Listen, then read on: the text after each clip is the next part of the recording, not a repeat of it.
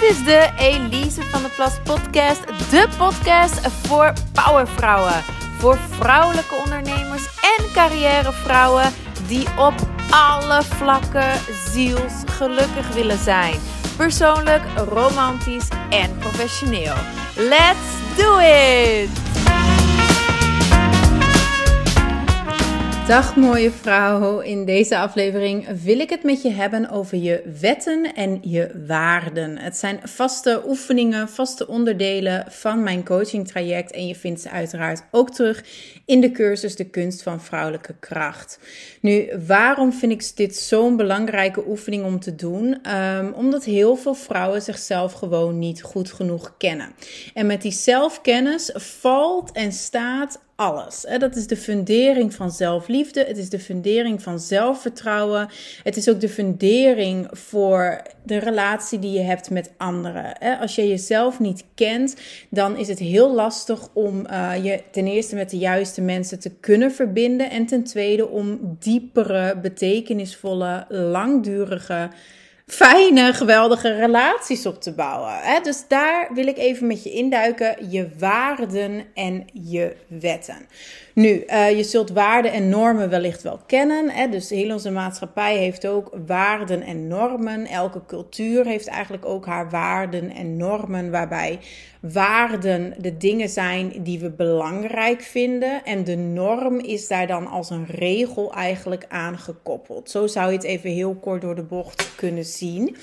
Um, dus dat is dan de eerste vraag die ik heb voor jou. Wat zijn jouw waarden en wat vind jij het allerbelangrijkste? En dan moet je niet benoemen wat je doet, maar wie je bent. Dus je moet je zijn benoemen en niet alle rollen die jij vervult. Dus een waarde kan niet zijn um, hard werken, bijvoorbeeld. Hè? Uh, een waarde kan wel zijn vrijheid. En als jij dan onder vrijheid daar bijvoorbeeld financiële vrijheid ook als waarde aan koppelt, ja, dan kan het zijn dat jij het dus heel belangrijk vindt om wel uh, onafhankelijk te zijn financieel en dus zelf werk te hebben. Maar jouw waarden mogen dus voor de rest niet een, een activiteit benoemen in die zin. Als je eenmaal je waarden hebt uitgewerkt, dan kun je vervolgens aan die waarden wetten koppelen. En wetten, daar maak ik dan altijd een onderscheid in: zachte wetten en harde wetten de zachte wetten, daar kun jij nog over onderhandelen. De, de zachte wetten, ehm, daar kun jij als iemand anders een, een waarde en een wet heeft. De waarde sluit dan aan. Zeker in een relatie is het wel belangrijk dat die waarde dan aansluit. Maar binnen die waarde kun je dan in je zachte wetten, kun je dan nog bepaalde afspraken maken en elkaar tegemoetkomen. Naast die zachte wetten zijn er echter ook harde wetten. En dat noemen ze in het Engels ook wel je non-negotiables. Je non-negotiables. Nou, en die non-negotiables zijn dus niet onderhandelbaar. Die zijn niet onderhandelbaar, die liggen echt vast coachingklant van mij die ik nu begeleid, uh, ben ik deze oefening ook mee gaan doen. En een van haar non-negotiables is bijvoorbeeld dat haar toekomstige partner niet mag roken. een waarde voor haar is gezondheid. Zij werkt daar zelf ook naartoe. He, jouw waarden mogen ook dingen benoemen van die 2.0 versie van jou, van die betere, meer stralende versie van jou. En haar waarde is dus gezondheid. En voor haar is het dan een non-negotiable, een wet bij die waarde dat haar toekomstige partner niet rookt. Uiteraard rookt ze zelf ook niet, want dat is natuurlijk wel een belangrijke. Jouw wetten gelden net zo goed voor jou als voor de mensen in je omgeving. Dus je hebt je waarden, je hebt je wetten en vervolgens is het dan dus, ik zei het al even, heel belangrijk dat je die wetten echt gaat bewaken. Niet alleen ten opzichte van anderen, maar ook echt voor jezelf. En een grove fout, wat veel mensen ook maken, is die wetten niet duidelijk communiceren.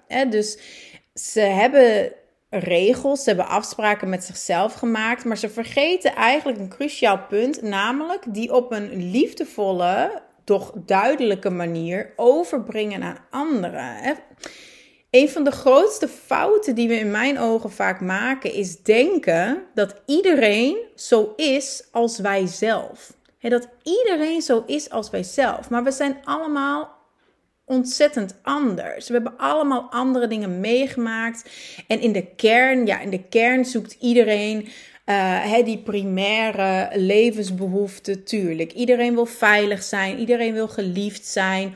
Uh, iedereen heeft fysiologische behoeften, eten, drinken, slaap, etc. Dus in, in die zin zijn we hetzelfde.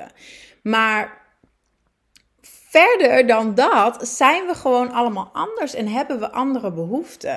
Als je het hebt over die piramide van Maslow, die basisbehoeften zijn eigenlijk hetzelfde, maar dan binnen elke basisbehoefte heb je natuurlijk ook nog je eigen voorkeuren.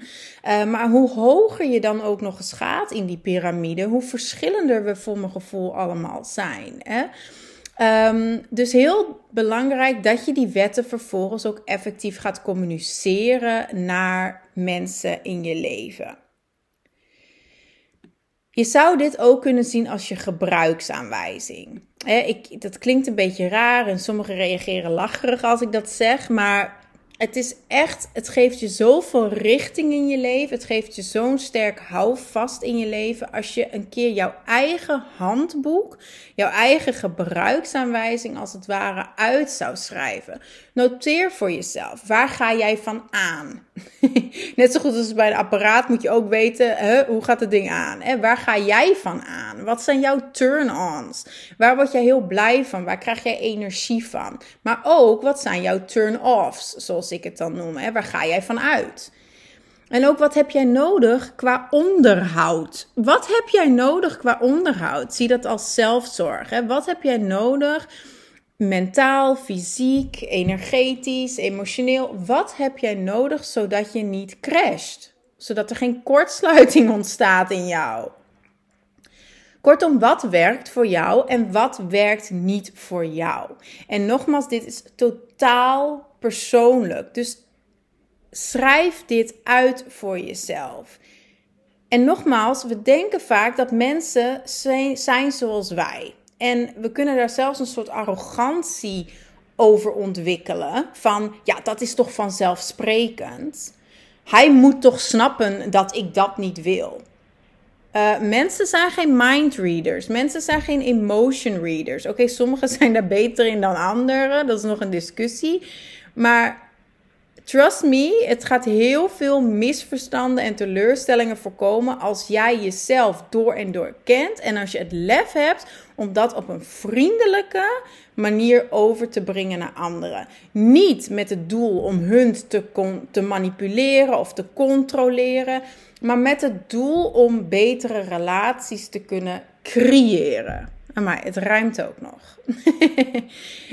En het ding is, ik zei net, hè, mensen zijn geen mindreaders. Maar let's be honest, heel veel mensen kennen zichzelf niet eens. Hè? Dus hoe moet een ander dan weten wat diegene nodig heeft, heeft? Zelfs als we dan minds zouden kunnen readen, dan zouden we één grote chaos vinden waarschijnlijk in dat kopie.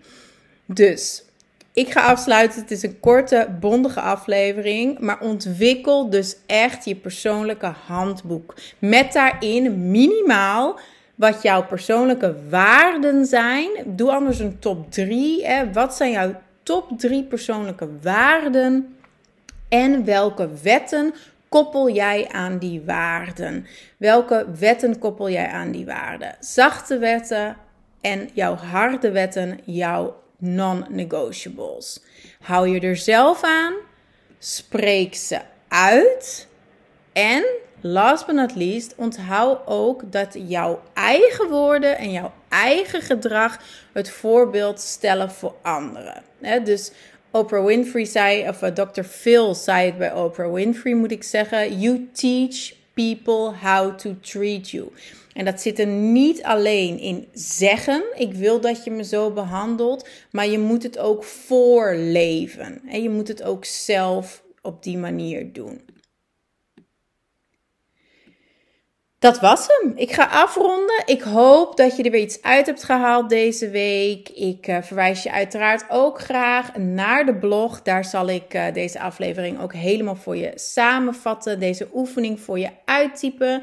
Je vindt die aflevering altijd terug door naar elisevanderplas.com te gaan. En dan slash en dan uh, het cijfer van de aflevering. En terwijl ik het zeg, moet ik even opzoeken wat de, uh, het cijfer is van deze aflevering. Ik kom er zo even op terug.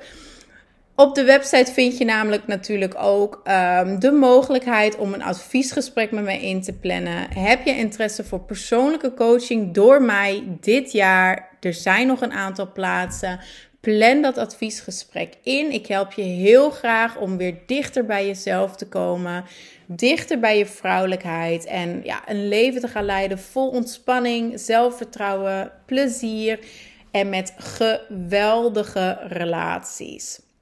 Zakelijk, persoonlijk en romantisch. Nou, inmiddels heb ik ook het afleveringnummer gevonden. We zitten aan aflevering 45 vandaag. Jee. Superleuk. Dus via elisevdplas.com slash 45 vind je dan de samenvatting van deze aflevering terug. Daar vind je uiteraard ook de link naar het adviesgesprek. En ik zal ook de link erbij doen naar die geweldige, geweldige online cursus.